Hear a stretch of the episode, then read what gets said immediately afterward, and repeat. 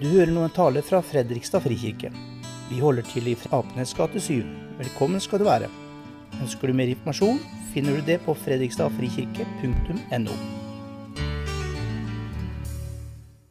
Eh, Jeg skulle jo gjerne hatt en sånn søt liten sommerhistorie å sende dere ut liksom, i med. Og vi har jo en prekentekst om en stor fest, men hensikten er ikke bare fest og glede for alle som er til stede. Det er heller motsatt. Og Lignelser fremstilles ofte som sånn enkle fortellinger som forklarer moralske eller teologiske problemstillinger. Og jeg tenker liksom, Syns du, du lignelsene er enkle? Det er lov å si nei. I hvert fall syntes de på Jesus samtidig. De var sånn uklare. Disiplene skjønte sjelden hva han mente egentlig. Og jeg tenker Johannes sin innledning den sa egentlig det viktigste. Så, så hvis jeg driver kludrer det til nå, så ta med deg Johannes sin innledning eh, på den derre lignelsen. Det, men, det, men det var jo noe der i disse lignelsene som provoserte fariseerne og fascinerte folket. Fordi, og jeg tenker fordi lignelsene ikke er enkle, så er det greit å først presisere hva de ikke er. Lignelser er ikke algorier. Det er egentlig altfor enkelt å være så bastant, men det er i hvert fall enkelt å gjøre det akkurat nå. For Allegori det er fra gresk og betyr 'annen tale'. Altså at Han mener noe annet enn det som blir sagt. Altså liksom Elementene i historien er symboler og står for noe annet enn det du sier. Og Det er veldig lett å se på lignelsene som allegorier. Mange har gjort det gjennom historien. Wikipedia sier at Jesu lignelser er typiske eksempler på allegorier. Og nevner kirkefedre som har definert dem som det. Og det kan fungere til en viss grad, men, som, men altså, det blir veldig fort et villspor. Åpne for konspirasjoner og merkelige eller faktisk sånn villedende tolkninger. Og det andre er at lignelsene de foretar ikke liksom en upåvirka tidsreise fra oldtiden og rett til oss. Som et liksom rør direkte fra Jesu munn og inn i ditt hjerte. Og vi vil jo veldig gjerne at Bibelen skal snakke rett til oss, rett inn i vår situasjon. og den, den gjør jo det, men, men, ikke sånn at du kan sette navnet ditt inn i lignelsene. Selv om det hadde vært helt fantastisk, så er det for enkelt. Det gir veldig rare konklusjoner. Som f.eks. denne lignelsen her. Om den er en algori direkte til meg, så er det liksom sånn Kjære Per Morten, du har blitt invitert til himmelriket. Og her er hvordan du kan få sitte til bords i Guds rike hvis men hvis ting du eier, representert ved jordstykket, eller om jobben din, som fem par okser kan være, eller familie, venner, hvis det å gifte seg Hvis alt det, hvis det, blir, altså blir, det blir for viktig, så bare trekkes invitasjonen tilbake. For jeg sier dere, ingen av dem som var innbudt, skal få smake festmåltidet mitt. Og Eneste sjanse da det er at jeg vier alt jeg eier. Jobben min, all sosial kontakt, alt til Gud. Som ulike klostersamfunn er helt enige enig i. Men du går altså glipp av så mye hvis du tolker lignelsene som allegorier som handler liksom direkte om deg. For nesten alle lignelser er to ting. Nummer én de er situasjonsbestemt. De fortelles inn i en situasjon, til en forsamling, som en respons på faktiske hendelser eller spørsmål. Det høres helt selvfølgelig ut, men det er altså så lett å glemme det. Jesus ser noe han reagerer på, eller han blir spurt om noe. Han utfordres der og da, eller han har kanskje planlagt en tale. Så uansett så er lignelsen historier ment for en bestemt situasjon eller et bestemt publikum. Og de er om Jesus og Guds rike på en eller annen måte. Jeg tenker, Hva var egentlig Jesu budskap? Hva var det sentrale i hans forkynnelse? Hvis du var bonden Morse. Mosje. Fra en liten landsby. Du var innom Kapernaum for å betale skatten din. Og så oppdaget du et voldsomt styr på torget. Altså, det var folk, masse, folk stimla rundt en, en profet, en Jeshua eller noe sånt. Og når du sto ytterst da i den tilhørerskaren, så hørte du ham si 'Jeg har kommet. Guds rike er her.' Og jødene venta jo på en Messias med fred og med fremgang. Det var det som var Guds rike for dem. Og så kom Jesus og sier at han kom med Guds rike. Og det var helt annerledes enn venta. Hans syn på sosial orden og sentrale verdier var at det var altså så bakvendt. Det var helt opp ned. Lignelse, det er ordet parabolé. Det er en historie som lever ved siden av. Altså Det er en sammenligning. Det er, det er på en måte en tenkt parallell virkelighet som sier noe om den situasjonen man er i. Mange, går, mange, tenker på Jesu lignelse som en slags boble over Jesu hode. Og så brukte han fortellinger til å forklare liksom, universelle eller moralske eller teologiske sannheter som fantes inni den bobla. Og helt løsrevet fra virkeligheten. Altså at de var religiøse algorier. altså. Og det blir feil. Han fortalte lignelser for å forklare hva han gjorde, og hva han kom for å gjøre. Det er kommentarer som utdyper hva Jesus gjør og sier der og da. Eller vi leser en lignelse, og så går vi rett i jeg-modus. Jesus forteller en historie om meg og Gud. For jeg er jo en av hans etterfølgere. Dette er hans undervisning. Den handler om hvordan jeg skal forholde meg til Gud. Det er jo det religiøse lærere gjør. Og det kan også bli feil. Lignelsene er om Jesus og om Guds rike. At det kommer til oss, hvordan han bringer det til verden. Lignelser er egentlig utvida metaforer. Og vi må forstå sammenhengen, egentlig. Vi må sette oss inn i hva det betydde for dem som hørte dem. Men på en annen side, samtidig så skrev jo evangelistene ned disse historiene. For de mente at det hadde betydning for kristne i Jerusalem, i hele Judea, i Samaria og helt til jordens ender, der vi befinner oss. Så lignelsene er ikke til oss, men de er for oss. De kan gi et nytt syn på hva jeg gjør og hva jeg tenker, ofte på et mer sånn dypere og grunnleggende plan. egentlig. Beklager, det var en kjempelang innledning. Men jeg tenker liksom det var litt viktig, for eh, når vi ser på en lignelse, så må vi altså først finne ut egentlig hva mente Jesus. Så kan vi etterpå vurdere hva det kan bety for oss. Så hva mente Jesus? Han var i et selskap hos en fariseer. Det er mange ting vi kunne ta tak i her. Altså, men et, veldig sentralt poeng er at dette samfunnet det, det var veldig sterkt preget av ære og skam. Hvem du, styr, hvem du, er, styres i veldig stor grad av sosial status. Ære gitt av andre det øker statusen din, og skam det ødelegger statusen. Et eksempel her da, på denne historien det er bordplasseringen på denne festen. Det var altså bestemt av status hvor du skulle sitte.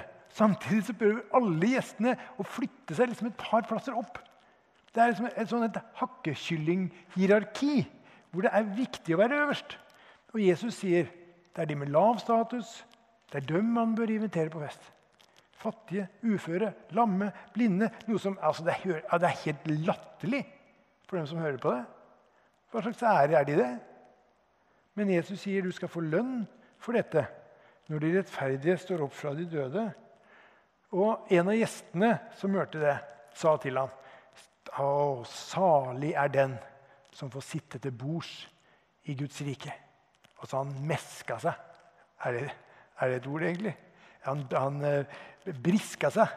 Kanskje ikke noe bedre. Altså, disse, Jødene her var helt sikre på at når Gud åpna den store ballsalen ved tidens ende, så hadde de med plass rundt bordet. De, det altså var en selvfølge at de var rettferdige, at de var på VIP-lista. Altså, tenk bare på hvordan de tilbrakte tiden sin, på bibelkunnskapene deres, på iveren etter å lete etter, lete etter buda. Og som svar på den så prøver ikke Jesus å liksom bobleforklare sånn oppi her, sånn rent teologisk ideen om Guds rike. Nei, han prøver å ødelegge forutsetningene og forståelsene til fariseerne. For de mener at deres forvridde verdisystem er en refleksjon av Guds rike. Altså et mannsdominert, hakkekylling, statusfiksert, regelreligiøst prestasjonsrike. For Jesus representerer dette festlokalet det motsatte av hva Guds rike er.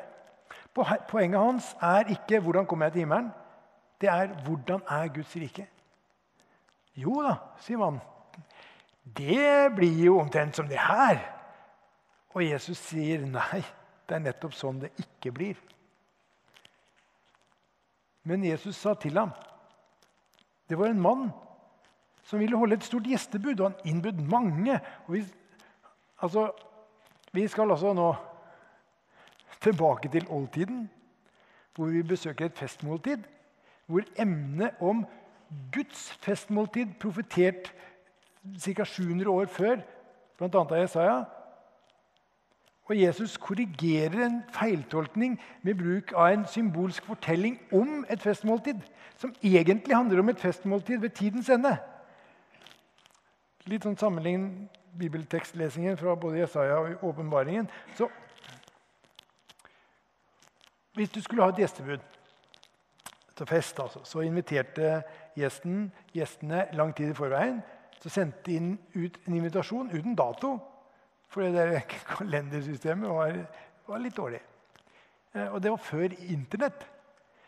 Altså, det, jeg tenker Det var til og med før faks og telegram.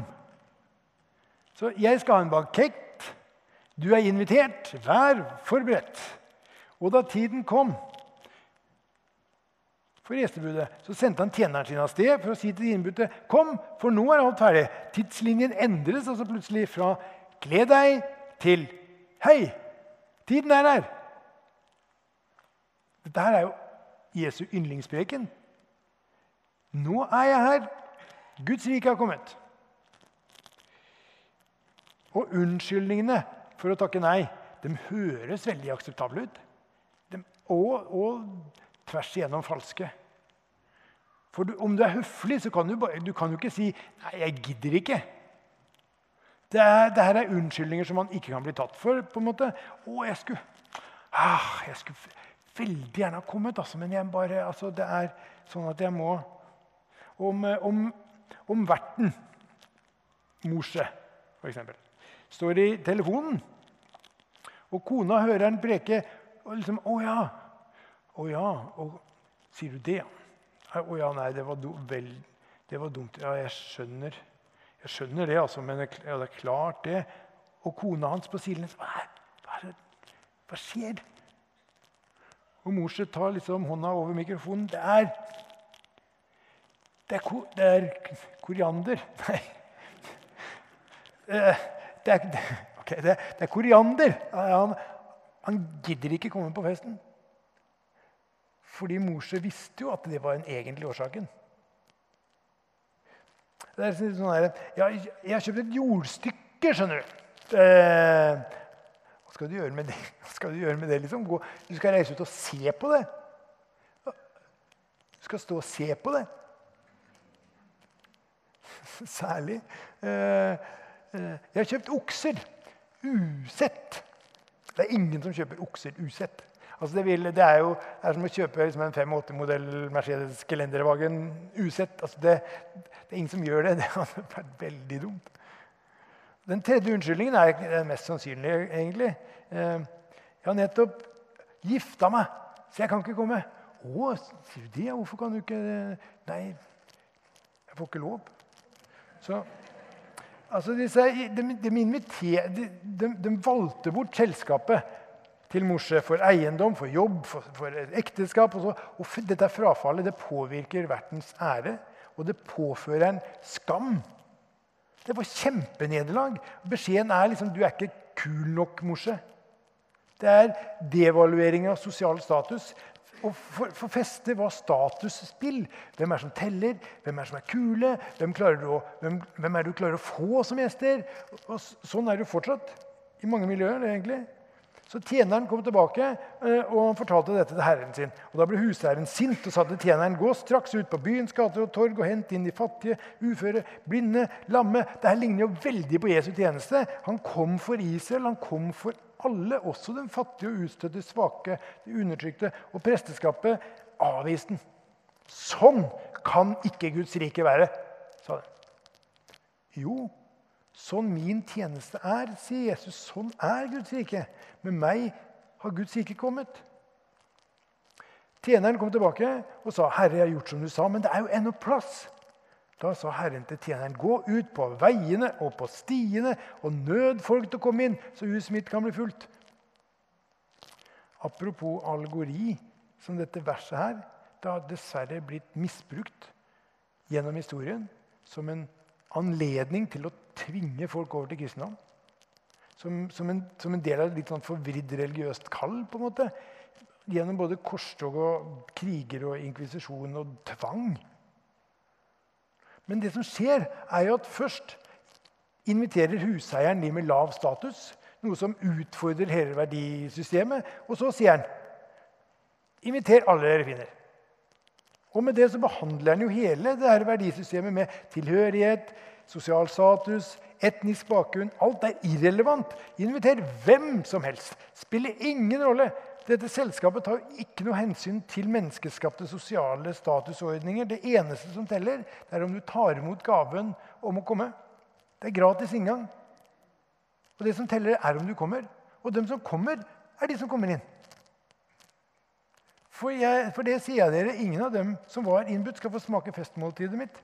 Dette er altså så intenst. Jesus sitter der midt i et selskap og er altså sånn provoserende pluss. Liksom det er en total utestenging av dem i Israels ledelse som ignorerer Jesu budskap om at Guds rike har kommet.